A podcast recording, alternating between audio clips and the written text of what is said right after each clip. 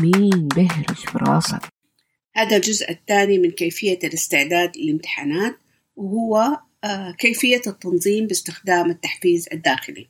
أنا اسمي بيبة وحكلمكم عن أنماط التفكير ممثلة بشكل شخصيات عشان تسهل لنا التعامل معها وبالتالي نقدر نحسن تفكيرنا.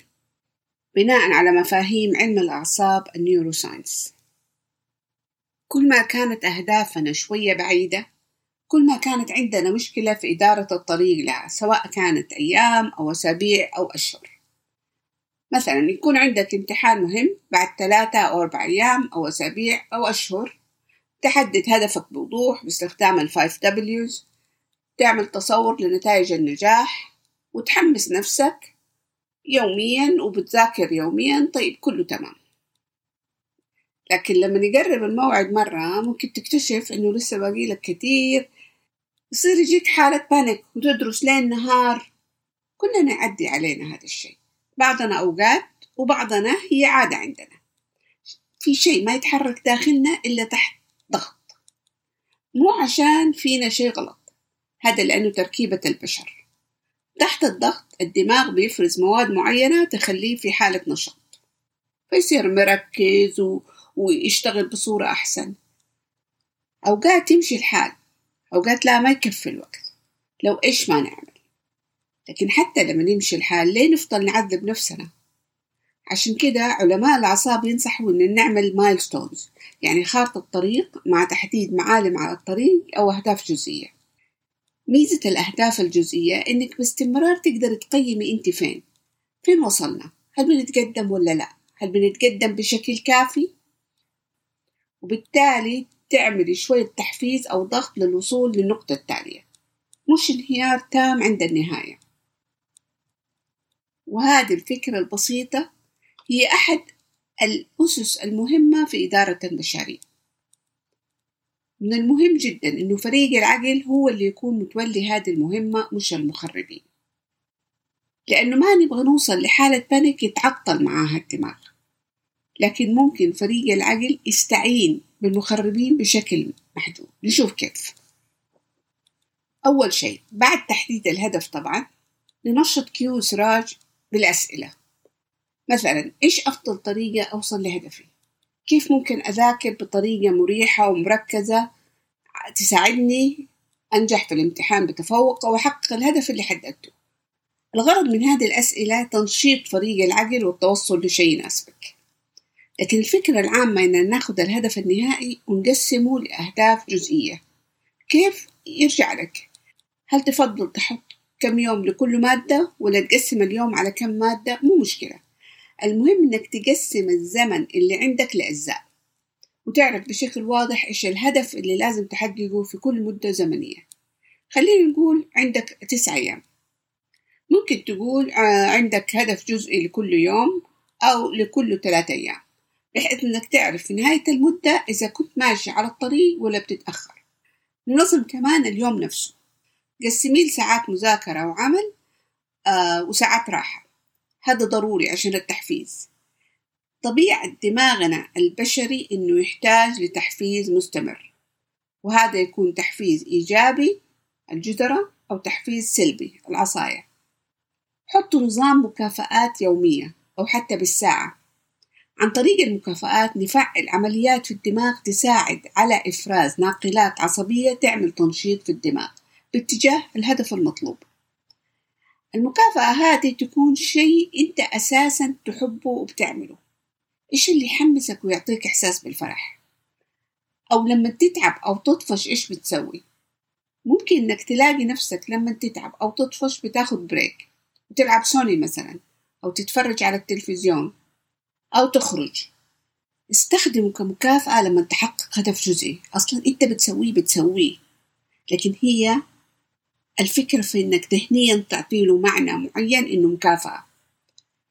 أنا كنت أيام الجامعة أحب أقرأ قصص تاريخية. إدمان. بس كنت أستخدمها كمكافأة على المذاكرة. وطلعت الأولى على الدفعة على فكرة. كيو تقول لك لما تذاكري ساعة أو اثنين أو تخلصي جزء معين مكافأتك ساعة واثنين من النشاط اللي تحبيه. يمكن يوم تلاقي ذاكرتي نص ساعة بس وأخدتي راحة ثلاثة ساعات. معليه المهم إنك تقولي لنفسك النشاط اللي بتعمليه في وقت الراحة واللي تحبيه هو مكافأة عن نص ساعة مذاكرة. في هذه الحالة النص ساعة الجاية حيكون فيها تركيز أعلى لأنه الدماغ اتنشط بالناقلات العصبية المناسبة. ممكن يوم تاني حتلاقي العكس بتذاكري أكتر. معليه لو زاد أو نقص شوية طالما يفضل في حد معقول. الحد المعقول هو إيه؟ هو اللي يخليك تحقق الأهداف الجزئية حقت اليوم حقت الثلاث أيام حقت الأسبوع. أوكي؟ يعني في النهاية أنت عندك أهداف جزئية تتجمع كلها عشان تحقق هدف نهائي. ومهم جدا كمان إنك تقولي لنفسك هذه مكافأة على الوقت اللي قضيتيه في المذاكرة أو الكم اللي خلصتيه.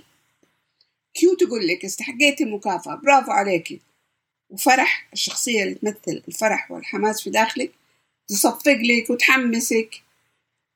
اتذكروا هذه المكافآت تعطي راحة لكن الهدف الأهم هو تفعيل أنشطة مختلفة في الدماغ للتحفيز والتركيز. هذه الجزرة. طيب لو لقيت إنه الأهداف الجزئية بدأت تتأخر يعني لو تجمعت ما حتحقق هدف الأسبوع ولا حتى هدف هدفك النهائي. علماء الأعصاب يقولون لنا إنه نظام التحفيز الإيجابي ما يكفي. ونحتاج بعض التحفيز السلبي يعني باستخدام الخوف عشان نعمل ضغط. برضو عشان ننشط الدماغ. فضروري جدا إنه يكون تحت سيطرة العقل. جربوا هذا التمرين لما تلاقوا إنكم بتتأخروا عن تحقيق الأهداف الجزئية. الأهداف الجزئية مو لما توصلوا لآخر لحظة. حوار داخلي. من ناحية في فريق أبطال العقل. كيو تمثل التفكير العقلاني. سراج يمثل الانتباه. نور الحكمة الداخلية. فرح الحماس والفرح. الفريق كامل. عشان نحس بأنه ميزان القوة مع العقل. من الناحية الثانية بعض الشخصيات من فريق المخربين. ملفينا تمثل القلق والنكد درامينا الدراما والنتائج السلبية وحش الخوف. السؤال من Q إيش حيصير لو فضلنا نتأخر عن تحقيق الأهداف الجزئية؟ أعطي فرصة دقيقة واحدة بس لفريق المخربين يتكلم. أقصى شيء ثلاثة دقائق. حتلاقي ملفينا تقول ما حتقدر تكمل وحتخبص وترسب في الامتحان. درامينا تقول لك وبعدين ما حتقدر تدخل الكلية اللي تبغاها وأهلك حيزعلوا منك وحيصير موقفك مرة وحش وعمرك ما حتلاقي شغل. هذا اللي تعمله درامينا تكبر الأمور. وحش الخوف بدأ يكبر. لاحظي إذا بدأت تحسي بأعراض الخوف الشديد يعني بطنك بتنقبض وتقفل على صدرك وهكذا خلاص نوقف. Q تقول لهم شكرا على توضيح الصورة. وتخيل فريق المخربين كله بيصغر ويبعد. هذا الحوار يعمل عملية ضغط مخففة. تخلي برضو الدماغ يبدأ يفرز ناقلات عصبية يعني neurotransmitters منشطة يعطيك دفعة بس ما ندخل في حالة panic تعطل الدماغ. ننتبه من تدخل شخصيتين جلاد لأنه ممكن تسمع صوت يبدأ يقول لك أنت دائما تعمل كده ما تفهم ما تعرف ما ينفع. جلاد ما له دور بناء في هذا الموقف الجنرال يحط لك أنظمة الصوت اللي يقول لك لازم لازم أذاكر لازم مفروض. المشكلة لما هو اللي يسيطر ممكن هذه الأنظمة ما تنفع. وكمان يشغل معاه جلاد. لأنه لما تقول لازم لازم لازم وما تسوي إيش حيصير؟ جلاد حيطلع لك وحيقول لك آه أنت فاشل وأنت ما تعرف وأنت ما تسوي وأنت ما تعمل. هدول لو اشتغلوا في راسك ما حتعرف تسوي شيء. لو اشتغلوا في راسك كيو تقول لهم شكرا انصرفوا. ونتخيلهم بيصغروا ويبعدوا. كده نكون استعملنا العصاية لكن بتحكم عقلاني. خلاصة الكلام. لتنظيم المذاكرة باستخدام التحفيز الداخلي استعدادا للامتحانات. واحد تحديد الهدف العام والتصور الذهني له يوميا. اثنين تقسيم الهدف العام لأهداف جزئية. ثلاثة متابعة تحقيق الأهداف الجزئية. أربعة استخدام نظام مكافآت مناسب عند تحقيق أي هدف جزئي. خمسة استخدام تحفيز سلبي تحت سيطرة فريق العقل عند التأخر عن تحقيق الأهداف الجزئية.